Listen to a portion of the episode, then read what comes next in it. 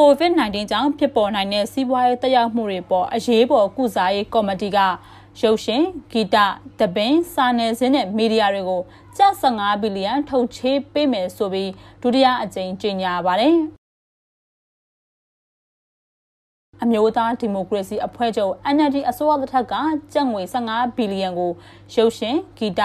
တပင်းစာနယ်ဇင်းနဲ့မီဒီယာလုပ်ငန်းတွေကိုထုတ်ချေးပေးမယ်လို့ကြေညာခဲ့တာဖြစ်ပြီးအခုစစ်ကောင်စီကတော့ချင်းငွေလာရောက်လျှောက်ထားဖို့အတွက်ထပ်မံကြေညာတာလည်းဖြစ်ပါတယ်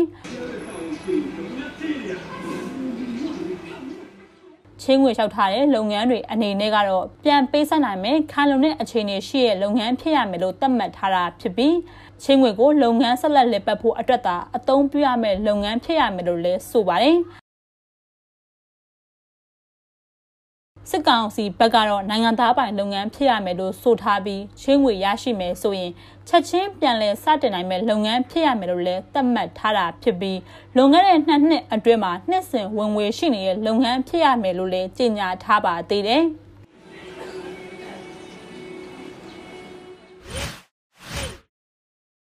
မြန်မာနိုင်ငံမှာ COVID-19 ကာကွယ်ဆေးနှစ်ကြိမ်အပြည့်ထိုးနှံပြီးတဲ့အရေးအတွက်က9.8တန်းကျော်ရှိခဲ့ပြီးဖြစ်တယ်လို့စစ်ကောင်စီရဲ့ကျန်းမာရေးဝန်ကြီးဌာနကထုတ်ပြန်ပါတယ်။ထုတ်ပြန်ချက်ထဲမှာတော့တိုင်းဒေသကြီးနဲ့ပြည်နယ်အလိုက် COVID-19 ကာကွယ်ဆေးကိုဥတီအုပ်စုတွေလိုက်ထိုးနှံပေးနေပြီးအောက်တိုဘာလ23ရက်နေ့အထိကာကွယ်ဆေးတစ်ကြိမ်ထိုးနှံပြီးသူက6.68တန်းကျော် နှစ်ကြိမ်အပြည့်ထိုးနှံပြီးသူက9.8တန်းကျော်နဲ့စုစုပေါင်း12.38တန်းကျော်ရှိခဲ့ပြီလို့ဖော်ပြပါတယ်။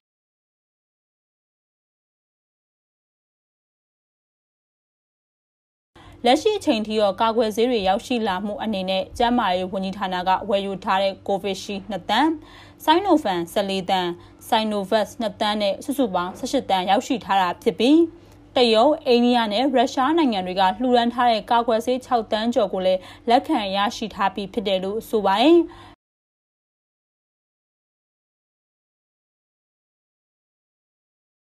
ဒါအပြင်စစ်ကောင်စီဟာတရုတ်နိုင်ငံကနေ COVID-19 ကာကွယ်ဆေးအကြိမ်ကြီး24တန်းစာချုပ်ချုပ်ဆိုဝယ်ယူထားကြတာဖြစ်ပြီးလက်ရှိမှာတော့ငါးတုပ်ခွဲပြီးစုစုပေါင်းအတုပ်20ကပို့ဆောင်ထားပြီးဖြစ်တယ်လို့သိရပါတယ်။ နိုင်ငံတော်ဝန်မှာတော့လက်ရှိအချိန်ထိကိုရိုနာဗိုင်းရပ်စ်ကူးစက်ခံရသူအရေအတွက်က၄သိန်း9400ကျော်နဲ့တေဆုံးသူက18500ကျော်ရှိခဲ့ပြီဖြစ်တယ်လို့စစ်ကောင်စီရဲ့ကျန်းမာရေးဝန်ကြီးဌာနကဖော်ပြပါတယ်။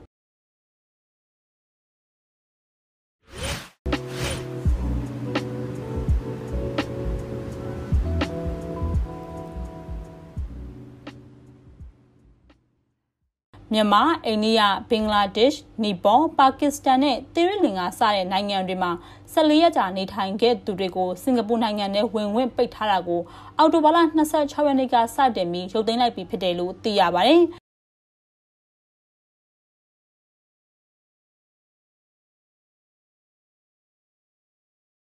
အဲ့ဒီရက်ကစပြီးစင်ကာပူနိုင်ငံတဲကိုဝင်ဝင်ဒါမှမဟုတ်ခရီးထောက်နာခွင့်ပြုမယ်လို့စင်ကာပူအစိုးရကထုတ်ပြန်လိုက်ပါတယ်။ စင်ကာပူနိုင်ငံမှာရေရှည်နေထိုင်ခွင့်ဒါမှမဟုတ်ရေတိုလည်ပတ်ခွင့်ဗီဇာရထားပေမဲ့မြန်မာအပါအဝင်အဲ့ဒီနိုင်ငံတွေထဲမှာလက်ရှိနေခဲ့ဘူးရင်စင်ကာပူနိုင်ငံတွေကိုဝင်ခွင့်မပြုဖို့ကိုဇွန်လ15ရက်နေ့ကလေးကပိတ်ပင်ထားခဲ့တာပါ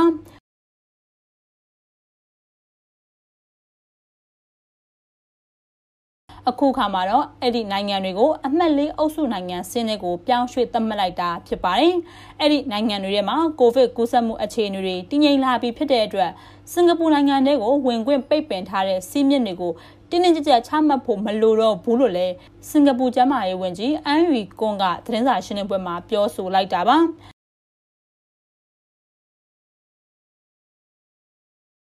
စင်ကာပူနိုင်ငံကနေဆက်တွေကိုပြန်ဖွင့်ပေးလိုက်တာကအိမ်အကူအလုပ်သမားတွေစောက်လုပ်ရေးအလုပ်သမားတွေအပါအဝင်စင်ကာပူနိုင်ငံရဲ့လူထုအခြေခံအဆောက်အုံစီမံကိန်းတွေမှာအကြီးအကျယ်လိုအပ်ချက်ရှိနေတဲ့အလုပ်သမားတွေကိုခေါ်ယူနိုင်ခွင့်အပါအဝင်အကျိုးအမြတ်တွေရလာမှာဖြစ်တယ်လို့မစ္စတာအွန်းကပြောပါတယ် မရှိမဖြစ်လိုအပ်တဲ့အလုပ်သမားတွေ၊ចောင်းသားတွေကိုကိုဗစ်ကာကွယ်ဆေးနှစ်ကြိမ်အပြည့်ထိုးနှံထားပြီးဆိုရင်နိုဝင်ဘာလ၁ရက်နေ့ကစတင်ပြီးစင်ကာပူနိုင်ငံထဲကိုဝင်ခွင့်ပြုမယ်လို့လည်းသိရပါတယ်။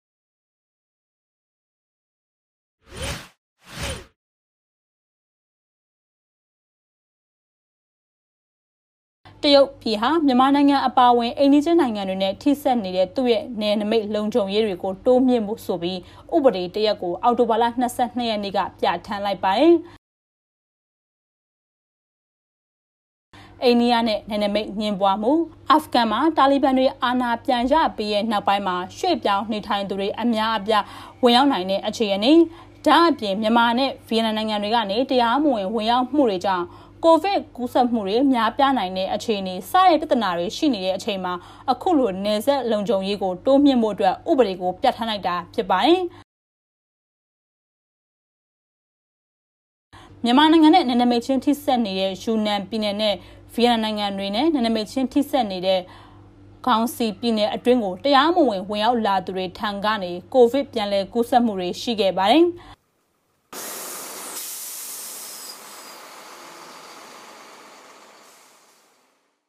တရုတ်ပြည်ရဲ့အချုပ်ချာအာဏာနဲ့နယ်နိမိတ်ကိုထိရောက်စွာကာကွယ်သွားမယ်လို့လည်းအဲ့ဒီဥပဒေတစ်ထက်မှာဖော်ပြထားတာဖြစ်ပြီးဒီဥပဒေကတော့မြန်မာနိုင်ငံအပါအဝင်နယ်စပ်ပြဿနာတွေဖြစ်နေတဲ့အိန္ဒိယရုရှားဒါအပြင်မြောက်ကိုရီးယားအပါအဝင်နိုင်ငံပေါင်း14နိုင်ငံနဲ့ထိစပ်နေတဲ့နယ်နိမိတ်တွေကိုဘယ်လိုကာကွယ်သွားမယ်ဆိုတာကိုလည်းအသေးစိတ်ဖော်ပြပြီးတရုတ်နိုင်ငံဘက်ကထုတ်ပြန်လိုက်တာဖြစ်ပါတယ်။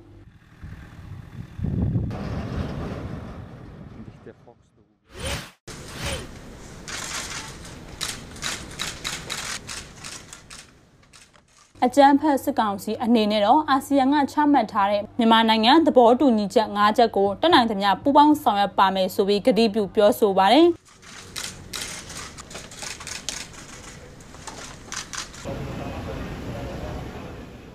ငိမ့်ချမ်းစွာအတူတကွရှင်တွဲနေထိုင်ရေးနဲ့အတူပြီးခဲ့တဲ့ AP လကလေးကအားလုံးသဘောတူဆုံးဖြတ်ခဲ့တဲ့မြန်မာနိုင်ငံဆိုင်ရာသဘောတူညီချက်9ရက်ကိုပူးပေါင်းဆောင်ရွက်သွားမယ်ဆိုပြီးအကြံဖတ်စစ်ကောင်စီရဲ့ဝါဒဖြန့်သတင်းမီဒီယာတွေကနေတစင်ပြောကြားခဲ့တာပါ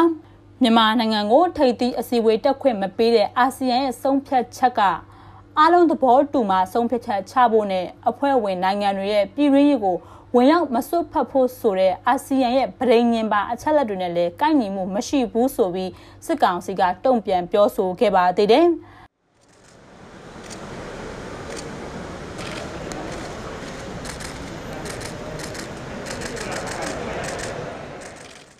စစ်ကောင်စီရဲ့တုံ့ပြန်ပြောဆိုခဲ့တဲ့အပေါ်အင်ဒိုနီးရှားနိုင်ငံသားရဲ့ဝန်ကြီးဌာနရဲ့ပြောခွင့်ရတစ်ကူဖစ်ဆက်ရှိယာကတော့မြန်မာနိုင်ငံအတွက်ဘသူကိုစားပြုပြီးတက်ရောက်ရမယ်ဆိုရဲဆုံးဖြတ်ခဲ့တာဟာအာဆီယံအဖွဲ့ဝင်အားလုံးအတွက်ဘုံလန်းညွန်ချက်တရက်ဖြစ်ပါတယ်လို့လည်းပြောဆိုခဲ့ပါတယ်